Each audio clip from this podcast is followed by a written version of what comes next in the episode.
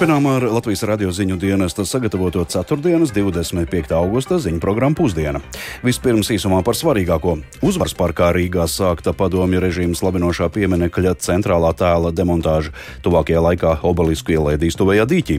Ziņu programmā tiešraidē sazināsimies ar korespondentu, kurš tur vēro notiekošo. Arī iztaujāsim sociālo antropologu par gaidāmajām sabiedrības reakcijām. Krievija atkal apšauda Ukrainas pilsētas, pieaudzis uzbrukumā Dnipropetrovskas apgabalā nogalināto skaits. Росія поставила світ на межу радіаційної катастрофи. Krievija ir nostādījusi pasauli uz kodola katastrofas sliekšņa. Krievijas karaspēks Eiropā lielāko atomelektrostaciju Zaporīžā ir pārvērts par kārdarbības zonu. Premjeras uzdevis ministrijām gaidāmajā ziemā taupīt nodokļu maksātāju naudu, taču ar vēsākiem birojiem un uz mājām pārceltiem datoriem taupība būs teorētiska. Tas eh, elektroenerģijas patēriņš darba iekārtām, datoriem, apgaismojumam ļoti radikāli būtiskus ietaupījumus nevaram iegūt. Šie un citi temati turpmākajās minūtēs.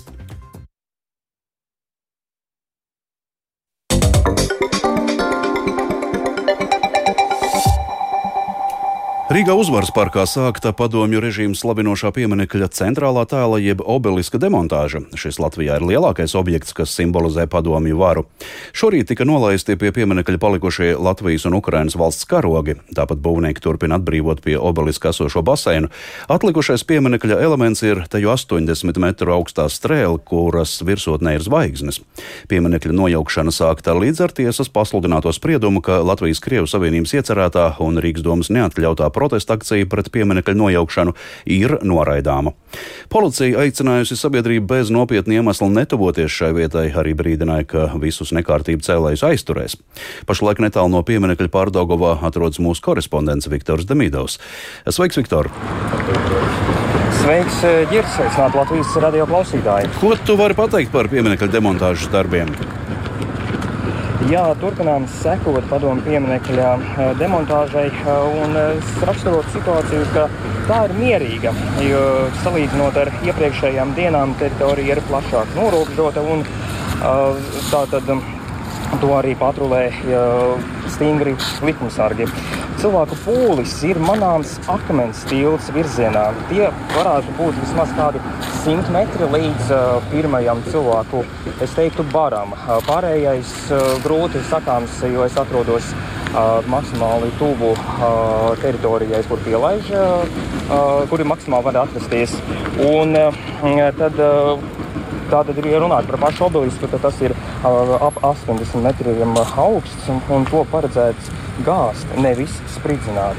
Doma ir, ka tas kritīs virzienā prom no vecrīgas. Respektīvi, ja pa kreiso pusi ir Torņkalns, pa labo Āgenskalns, tad obelisku plānots gāzt virzienā starp šīm divām apkaimēm. Vienkāršāk, laikam sakot, tas būtu dīķa virzienā. Vēl var, var sacīt to, ka īsi pirms uh, pieminiekļa gāšanas satiksme ap teritoriju varētu būt pilnībā slēgta. Uh, jā, bet uh, kā būs īstenībā, to uh, izskatās nezina neviens. Tad pagaidām jā, sabiedriskais transports kursē un, un, un arī personīgie spēkrati un vadītāji var pārvietoties gar pieminekli virzienā no Vecrīgas un uz Vecrīgu. Jā, ja vēl runāt par pašiem darbiem, tad uh, iesākumā uh, es uh, nebiju uh, dzirdējis tos, uh, ka, ka kaļ ar pneimatisko āmuru uh, pieminekļa pakāji.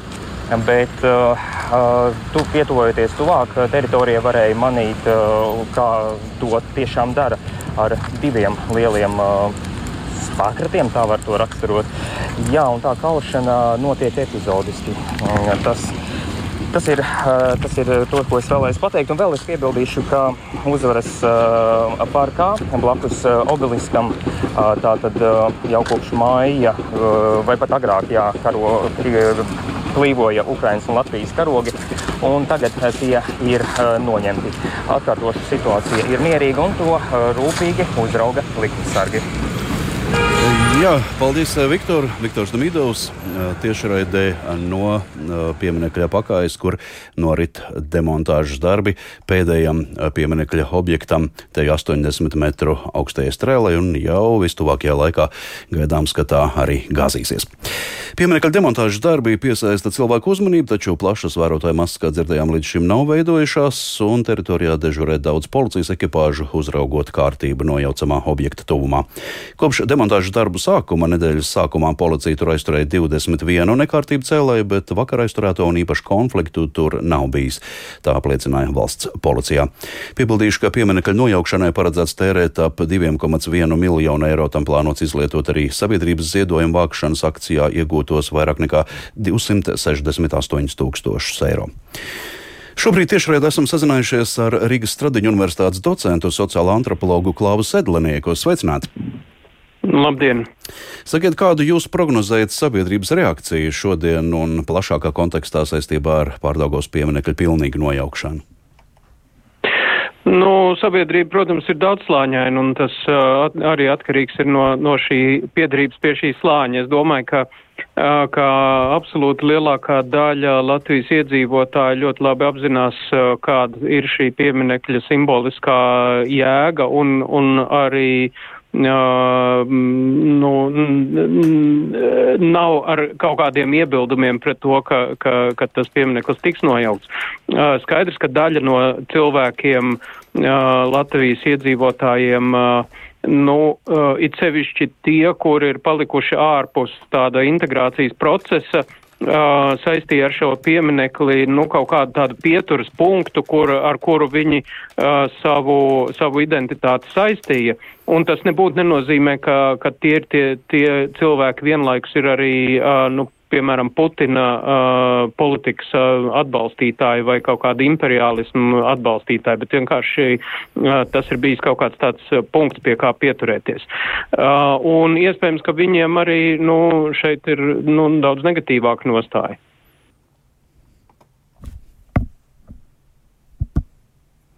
Uh, jāsaka, kā jūs prognozējat, vai kādi nemieri varētu būt sagaidām? Nu, to patiešām grūti ir teikt, spriežot pēc uh, līdzšinējiem notikumiem, izskatās, ka drīzāk nē, uh, uz to arī liecina, par to arī liecina, uh, nu, 9. maija samērā tāda pieticīgā svinēšana šogad. Tā kā es domāju, ka, ka nu, liela daļa no tiem, kas, kas svinēja pie šī pieminekļa iepriekšējos gados un kuri šo savu svinēšanu vairāk saistīja ar kaut kādiem uh, ģimenes uh, nu, tādu vēstures pieminēšanu, ja tur uh, vectēva varonīgo darbību uh, otrā pasaules kara laikā un tam līdzīgi, piemēram, uh, nevis, nevis saistīt to ar tādu mūsdienu politiskās uh, dienas kārtības uh, aktualizēšanu. Uh, tiem cilvēkiem, uh, nu, droši vien, ka bija liels iemesls uh, šogad neiet pie šī pieminekļa un, un, un nemēģināt tur uh, pulcēties. Uh, tā kā uh, tas drīzāk no norāda uz to, ka tas eh, no atbalsts kaut kādām, eh, kaut kādām eh, izteiktām protesta akcijām šajā konkrētā mirklī ir samērā neliels. Jā, paldies! Sazinājāmies ar Rīgas Tradiņu universitātes docentu sociālo antropologu Klausu Edlinieku saistībā ar sabiedrības reakciju par šodien gaidāmo pārdaugos pieminekļa pilnīgu nojaukšanu. Aktīva padomju pieminekļu demontāža notiek visās trīs Baltijas valstīs. Lietuvā izlemts nogāstos pieminekļus vest uz Grūta parku netālu no pazīstamās kurortu pilsētas Druski Druskininkiem. Pirms vairāk nekā 20 gadiem padomju skulptūru un citu PSRS ideoloģisko palieku ekspozīciju tur izveidoja privāts kolekcionārs. Nesen uz Grūta parku aizvesti pirmie Lietuvā demontētie monumenti. Tos apskatīt devās Skirmanta Balčūte. Grūta parka dibinātājs Viljums Malinausks mani sagaida uz kvadricikla. Lietuvā pazīstams kolekcionārs un miljonārs ir 80 gadus vecs, bet tomēr piekrita pats parādīt jaunpienācējus. Parka tālajā nosturi uz asfalta nolikta mūžīgās uguns granīta zvaigzne ar svaigi nolaustiem stariem, bet tai blakus noguldīti trīs milzīgi tumši pelēki metāla monumenti - kareivji, kuri kuri demontāžas laikā arī guvuši nopietnus ievainojumus. Be koju, be, be ranku. Lūk, redziet, bez kājām, bez rokām, praktiski arī bez galvām ir. Kādus saņēmām, tādus saņēmām. Vajadzēs restaurēt, savest kārtībā un tad eksponēsim. Pašlaik uz grūta parku jau ir atvesti deviņi pieminekļi no Klaipēdas, Kaunas un citām Lietuvas pilsētām, bet plānots, ka kopumā tie varētu būt pāris simtam. Tiem jau ir atvēlēta atsevišķa vieta, kas stāstīs par Lietuvas 2022. gada vēsturi. Padomju padomju pieminekļu demontāžas posmu. Kareivie iš Kryškalnio motinos. Te mums stāv kareivji, kas bija pie Krustakalna mātes. Tur atradās arī šī vitrāža. Šis ansamblis ļoti piestāv pie kareivjiem, kas tagad demontēti. Te ir arī siena ar uzrakstu Padomju Lietuva mūžīgi pateicīga kareivjiem. Tas arī piestāv. Šeit tālāk tad visus arī saliksim, ko tagad saņemsim. O toliau viską statysime. Grūta parka ekspozīcijā jau ir pusotrs simts skulptūru, kā arī atbilstoša padomju laika atribūtika - mūzika, māksla, metāla karuseļi bērniem. Tas viss piesaista lielu interesantu skaitu gan no ārzemēm, gan no pašas Lietuvas. Latvijas radio aptaujātu apmeklētāju domas par notiekošo dalās. Viena vieta labai gražu. Visus pieminekļus vajag salikt vienā vietā. Tas ir ļoti labi un piesaista cilvēkus. Nevajag tos izmētāt. Tā ir vēsture, kuru visi atcerēsies. Nekas briesmīgs jau šeit nav. Var gan bērniem, gan mazbērniem parādīt. Viss izskatās ļoti skaisti. Es domāju, ka no pilsētām tie pieminekļi būtu jānovāc, bet no kapiem gan nē. Vēsture ir vēsture bet var to vēsturi arī šeit apskatīties. Bija taču okupācija un daudz kas cits. Visam tā teikt ir jābūt savās vietās. Знаете, это наша история. Tā ir mūsu vēsture. Mēs izaugām Padomju Savienībā, un es gribētu, lai mani bērni, mazbērni to atceras. Kāda cena ir samaksāta par to, lai mums būtu šāda dzīve? Cik cilvēki ir gājuši bojā, bet tagad likvidē pieminekļus, kapa vietas. Tas ir neizturami. Viljams Malinausks arī esot saņēmis vairākus zvanus no Latvijas pašvaldībām, kas piedāvājušas savākt uz grūta parku arī viņu padomju pieminekļus, bet kolekcionārs atteicās, jo tā tomēr esot Latvijas, nevis Lietuvas vēsturē. Skirmante Baļķūte, Latvijas radio.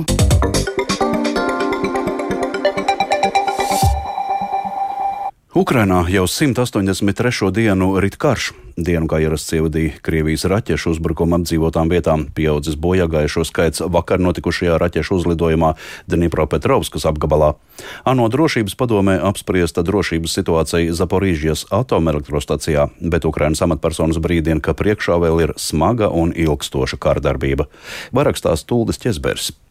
Šonakt Krievijas raķešu uzbrukumus piedzīvoja Kīvas apgabals Mikolaiva, Dnipro un Krivija Riha. Varas iestādes apgalvo, ka Krivija Riha ir apšaudīta ar kasešu munīciju, kas ir startautiski aizliegta. Līdz 25 pieaudzis bojā gājušo skaits vakar notikušajā raķešu uzbrukumā Čaplinas pilsētā Dņipropetrovskas apgabalā. Uzbrukuma laikā apšaudīja dzīvojamo rajonu un dzelzceļa staciju. Bojā gājušo vidū ir arī 11 un 6 gadus veci bērni. Ievainojumus guvis 31 cilvēks. Nāvējošais uzbrukums Uzbrukums notika dažas stundas pirms Krievijas sasauktās ANO drošības padomes sēdes, kuras centrālais jautājums bija situācija Zaporīžas atomelektrostacijā. Par spīti Krievijas iebildumiem sanāksmē attālināti uzstājās arī Ukrainas prezidents Volodimirs Zelenskis. Viņš aicināja starptautisko sabiedrību apturēt Krievijas īstenoto kodola šantāžu. Росія поставила світ на межу радіаційної катастрофи. Це факт. Krievija ir nostādījusi pasauli uz kodola katastrofas sliekšņa. Krievijas karaspēks Eiropā lielāko atomelektrostaciju Zaporīžijā ir pārvērts par kārdarbības zonu. To apliecina Krievijas bruņotās provokācijas, apšaudes, teroristu izvietošanas spēkstacijā zem Krievijas karoga. Eiropa un kaimiņu reģioni saskaras ar radiācijas piesārņojumu draudiem. Zaporīžas atomelektrostacijā ir seši reaktori. Čornobiļā eksplodēja tikai viens reaktors. Starptautiskās atomenerģijas aģentūras ekspertu misijai pēc iespējas iespējas drīzāk ir jāpārņem pastāvīga kontrole pār Zaporīžas atomelektrostaciju. Bet Krievijai bez nekādiem nosacījumiem ir jāizbeidz kodola šantāža un pilnībā jāizvācas no spēkstacijas. Sanāksmes laikā Krievija un Ukraina kārtējo reizi viena otru apsūdzēja Zaporīžas atomelektrostacijas apdraudēšanā.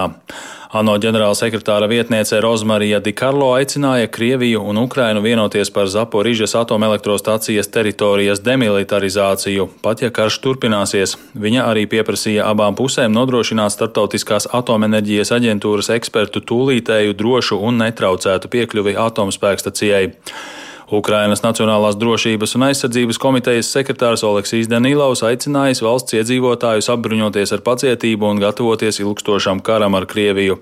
Viņš sacīja, ka karavīriem un visiem valsts iedzīvotājiem būs jāpieliek lielas pūles, lai karu uzvarētu.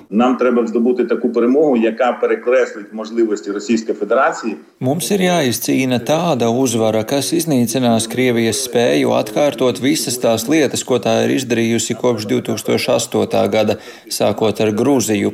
Mums ir vajadzīga šāda uzvara, lai beidzot salauztu muguru tam radījumam, kas mīt Krievijas teritorijā un kas nepārtraukti iebrūk svešās teritorijās.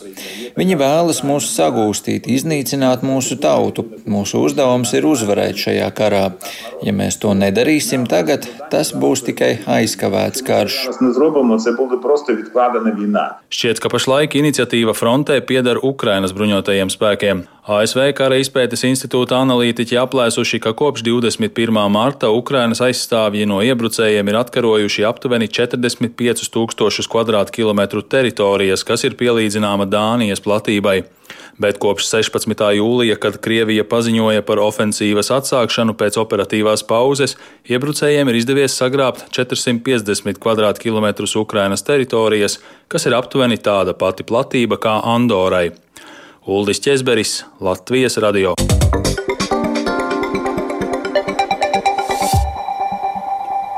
Gaidāmā apkuras sezona būs izaicinājums ikvienam. Arī ministrijas saprot, ka nāksies taupīt nodokļu maksātāju naudu, ko tērē infrastruktūras uzturēšanai. Ministru prezidents mēneša sākumā uzdeva visiem ministriem un valsts kancelēs vadītājiem sagatavot energoresursu taupības plānus rudenim. Ko šie plāni ietver un vai tie nav tikai simboliski, noskaidroja Linda Spundiņa.